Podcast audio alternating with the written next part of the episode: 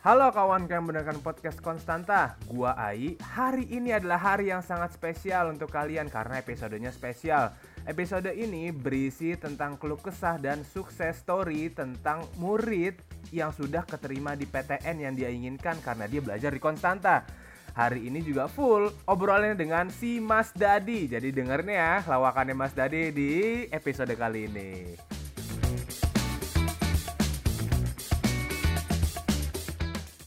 Oke, selamat sore Aisyah, apa kabar?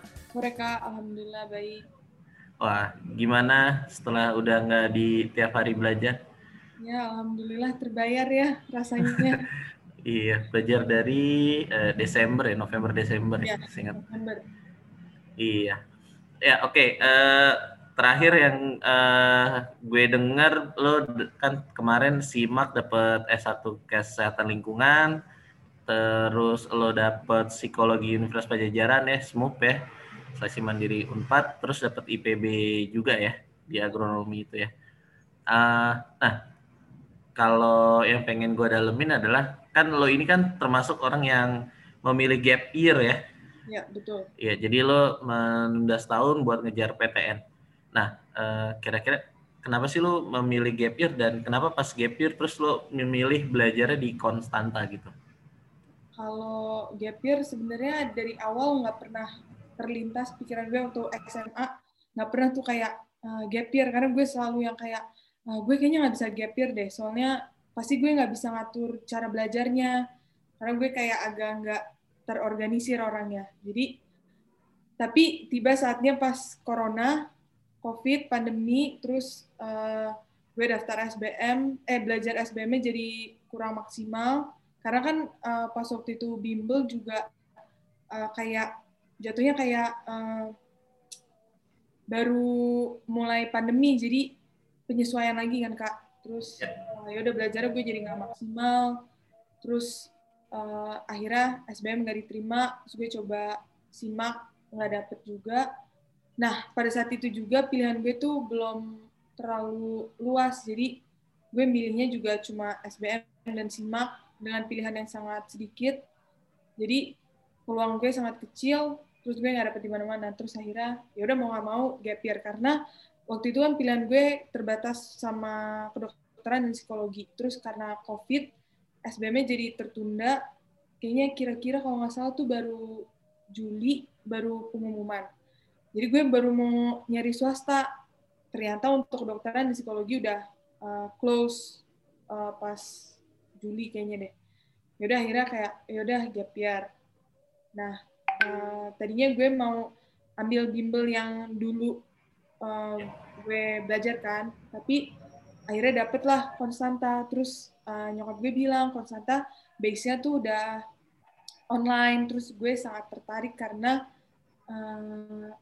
nggak uh, tahu ya gue lebih menurut gue selama online ini tuh sangat efektif buat gue. Karena kayak di rumah atau di ruang belajar lebih kayak bisa lebih fokus. Terus lo juga uh, dikasih materinya tinggal ngerjain sendiri. Terus uh, kelas konstanta juga kan kayak kecil. Jadi kalau mau nanya gue nggak malu. Itu per pertama banget. Gue kayak ya gue nggak berasa bodoh kalau nanya. Jadi kalau mau nanya nanya aja. Kakaknya juga sangat merhatiin kita karena kan kelasnya kecil. Jadi uh, kayak ya kebaca nih siapa yang belum ngerti atau gimana ya gitu sih kak. Kenapa pilih konsultan okay. gitu. Berarti karena apa ya uh, keintiman lah ya ketika maksudnya pas ya, lebih betul. private lah ya. Apalagi kan kalau kita kalau lo kan belajar juga kesannya kan one on one sama guru ya walaupun ada peng, ada murid-murid lainnya kan ya. Uh, gue mau nanya kalau terkait kan kadang tuh suka ada di share catatan setelah habis belajar. Menurut lo tuh uh, ngaruh nggak sih buat lo nanti review lagi atau gimana? Menurut gue ngaruh. Soalnya uh, misalnya pas uh, belajar kan waktunya juga nggak yang kayak panjang-panjang banget. Dan kalau mau ditanyain juga kadang tuh menurut gue kalau misalnya uh, dibahas beberapa soal terus nggak saat itu juga gue nggak ngerti gitu loh kak. Jadi pas setelah udah selesai sesinya terus gue baca lagi yang tadi gue cor-coret itu baru gue kayak eh, ini tadi gimana ya? Atau ini kurang jelas. Jadi gue bisa baca ulang catatannya gitu sih. Oke, Berarti lumayan bermanfaat ya ketika gue share kembali soal apa catatan dari pengajarnya itu ya. Uh, nah, gue mau nanya terkait kali ini tryout. Menurut lo gimana sih tryout yang lo kerjain selama ini nih kan udah, udah seriesnya panjang lagi ya 25 series. Uh, ketika pas kemarin ujian baik UTBK maupun uh, SIMAK, uh, menurut lo tipe soalnya gimana sih? Apakah ada kemiripan atau gimana kayak gitu? gue tipe soalnya mirip sih terus karena udah kayak tiap minggu dilatih tryout jadi pas duduk UTBK tuh gue rasanya di mindset gue kayak udah ngerjain TO gitu loh kak karena udah kebiasa ngerjain TO jadi biar chill juga gitu kayak nggak yang panik-panik banget gitu loh ya udah jadi ya. apalagi abis itu tryoutnya dibahas kan jadi sangat membantu sih menurut gue Uh, kalau penga selama pengajaran, menurut lo pengajarnya gimana tuh? Enak, uh, maksud gue kayak pengajarnya tuh ada yang boring, garing. Biasanya sih garing sih, kalau yang gue sering tahu. Tapi uh, gimana? Rata-rata sih cuma sih kak. Jadi belajarnya juga masuk nggak yang kayak tegang gitu kan. Terus kalau mau nanya juga asik, apalagi kalau misalnya bisa konsul kan, terus kadang-kadang kakaknya juga suka ngasih nomor WA terus bisa nanya atau ke admin sangat membantu sih menurut gue. Oh iya, lo memanfaatkan fitur tanya online siswa sama konsultasi ya waktu itu ya? Ya, betul. Buat mempertajam ya. Uh, terus yang mau gue tanyain, nah kapan lo mulai terbuka sama jurusan lain? Kan karena ini kan selama ini lo cuma mindsetnya cuma di psikologi sama di kedokteran tuh. Ya benar jadi gue mulai kebuka karena selama selama gue SMA sih sebenarnya tujuan gue kan cuma FK aja kan. Sampai uh, yang tahun lalu gue ke tolak terus gue pikir kayak kayaknya gue harus buka jalan lain deh selain FK gue mikirnya kayak mungkin FK tuh emang bukan jalan gue gitu. Tapi gue tetap akan coba FK cuman maksudnya gue akan buka peluang lain. Terus akhirnya mulai kebuka pikiran gue untuk psikologi tapi sayangnya psikologi kan uh, eh, IPS ya rata-rata kecuali di beberapa universitas. Terus gue bahkan selama waktu yang panjang itu gue tuh mikir harus belajar IPA atau IPS. Sekarang gue bener-bener kayak uh, bimbang banget harus pilih FK atau psikologi. Akhirnya gue belajar IPA, terus uh, untuk ngejar FK-nya sambil gue cari-cari kayak ya udah gue harus pilih jurusan mana selain FK. gue cari-cari ya udah akhirnya dapet yang oke okay, kayaknya gue akan mau tetap yang berbau-bau kesehatan ya udah gue eliminasi terus kayaknya ini deh gitu. oh oke okay. soalnya gue kayak meng apa tahu tuh yang pas lo bimbang itu di Desember akhir kan ya Januari karena waktu itu gue nanya apa lo mau pindah IPS atau tetap iya. IPA ya uh, tuh gue bimbang banget gue kayak aduh gue harus belajar IPA atau IPS gitu akhirnya kayak udah IPA aja lah Bismillah kemarin selama belajar yang dari Januari sampai UTBK tiap hari, menurut lo melelahkan atau uh, ya udah biasa aja gitu? Karena kan soalnya di tempat lain kan banyak kan biasanya di presnya menjelang UTBK tuh baru mereka belajar tiga sesi, empat sesi kayak gitu. Nah sementara kan kalau di Konstanta malah dari Januarinya lo dibikin belajar tiap hari dari Senin sampai Minggu kayak uh, tiada hari tanpa belajar bersama Konstanta. Bahkan kalau ada yang bilang kalendernya cuma hitam putih ya, nggak ada warna merah. Iya, betul.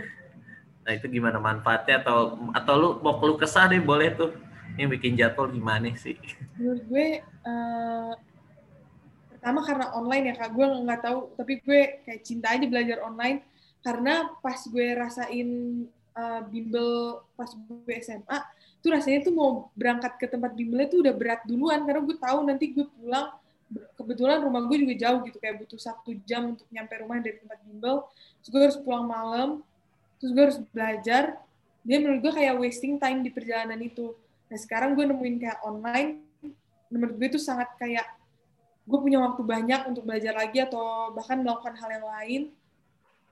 Dan gue nggak keberatan um, dibuat setiap hari dari bulan Januari karena menurut gue kalau udah di pressure deket-deket UTBK gitu gue malah merasa kayak gue harus belajar banget gitu. Kalau misalnya ada dari awal gue merasa udah lebih ke cover gitu loh kak uh, materinya. Jadi pas sudah deket UTBK gue merasa kayak oh ya udah I've done my best gitu. Gue udah gue udah belajar kok dari kemarin-kemarin. Jadi kayak udah bisa lebih tenang gitu. Dan uh, menurut gue konstanta juga kan pagi. Pertama gue jadi, jadi tiap hari bangun pagi bahkan sabtu minggu. Terus ya gue nggak tahu sih kalau gue sukanya misalnya kayak pagi kan gue bangun terus gue konstanta habis itu gue punya the whole day untuk uh, melakukan hal-hal yang lain gitu gue rasanya kayak oh ya udah gue udah belajar gitu jadi gue bisa melakukan hal yang lain nih gitu Oh oke, okay. jadi kayak lo anggapannya kayak sebenarnya lo tetap sekolah, kayak sekolah gitu ya, bangun pagi, ya, bener, rutinitas bener. belajar. Uh-uh. Tapi nggak nggak bete kan ya dikontakin tiap pagi sama admin gitu ya? Enggak. Karena gue suka kayak tiba-tiba baru bangun tuh kayak, ah, deh ayo masuk kelas. Gue kayak, oh iya bener, gue belum masuk, belum rapi-rapi segala macam. Ya udah langsung deh, buka-buka. Jadi enaknya online walaupun lo masih belum touch up udah bisa langsung belajar ya. Oh, betul. Itu juga. Oke. Okay. Ya, uh, thank you Aisyah uh, udah meluangkan waktu buat ngobrol-ngobrolnya. Uh, selamat bergalau Ria ya, memilih jurusannya yang mana. deadline-nya iya, deadline-nya sampai tanggal berapa? Kalau yang Unpad tanggal berapa tuh? Deadline-nya Unpad tuh tanggal 13. UI-nya udah kan? UI tanggal berapa? 11. UI udah mulai ospek. Oke okay, ya. Nanti kabarin ya kalau gitu. Uh, jadi pilih yang mana? Semoga yang terbaik. Nah, barusan kita udah dengerin tuh keluh kesah dan sukses story dari Kak Aisyah yang keterima di Kesling UI, keterima juga di Psikologi Unpad dan keterima juga di PB. Nah, kita juga udah dengerin tuh lawakannya Mas Dadi. Hahaha. Oke, jadi kan itu sebuah motivasi ya kawan-kawan. Sampai jumpa di lain waktu. Dadah semuanya.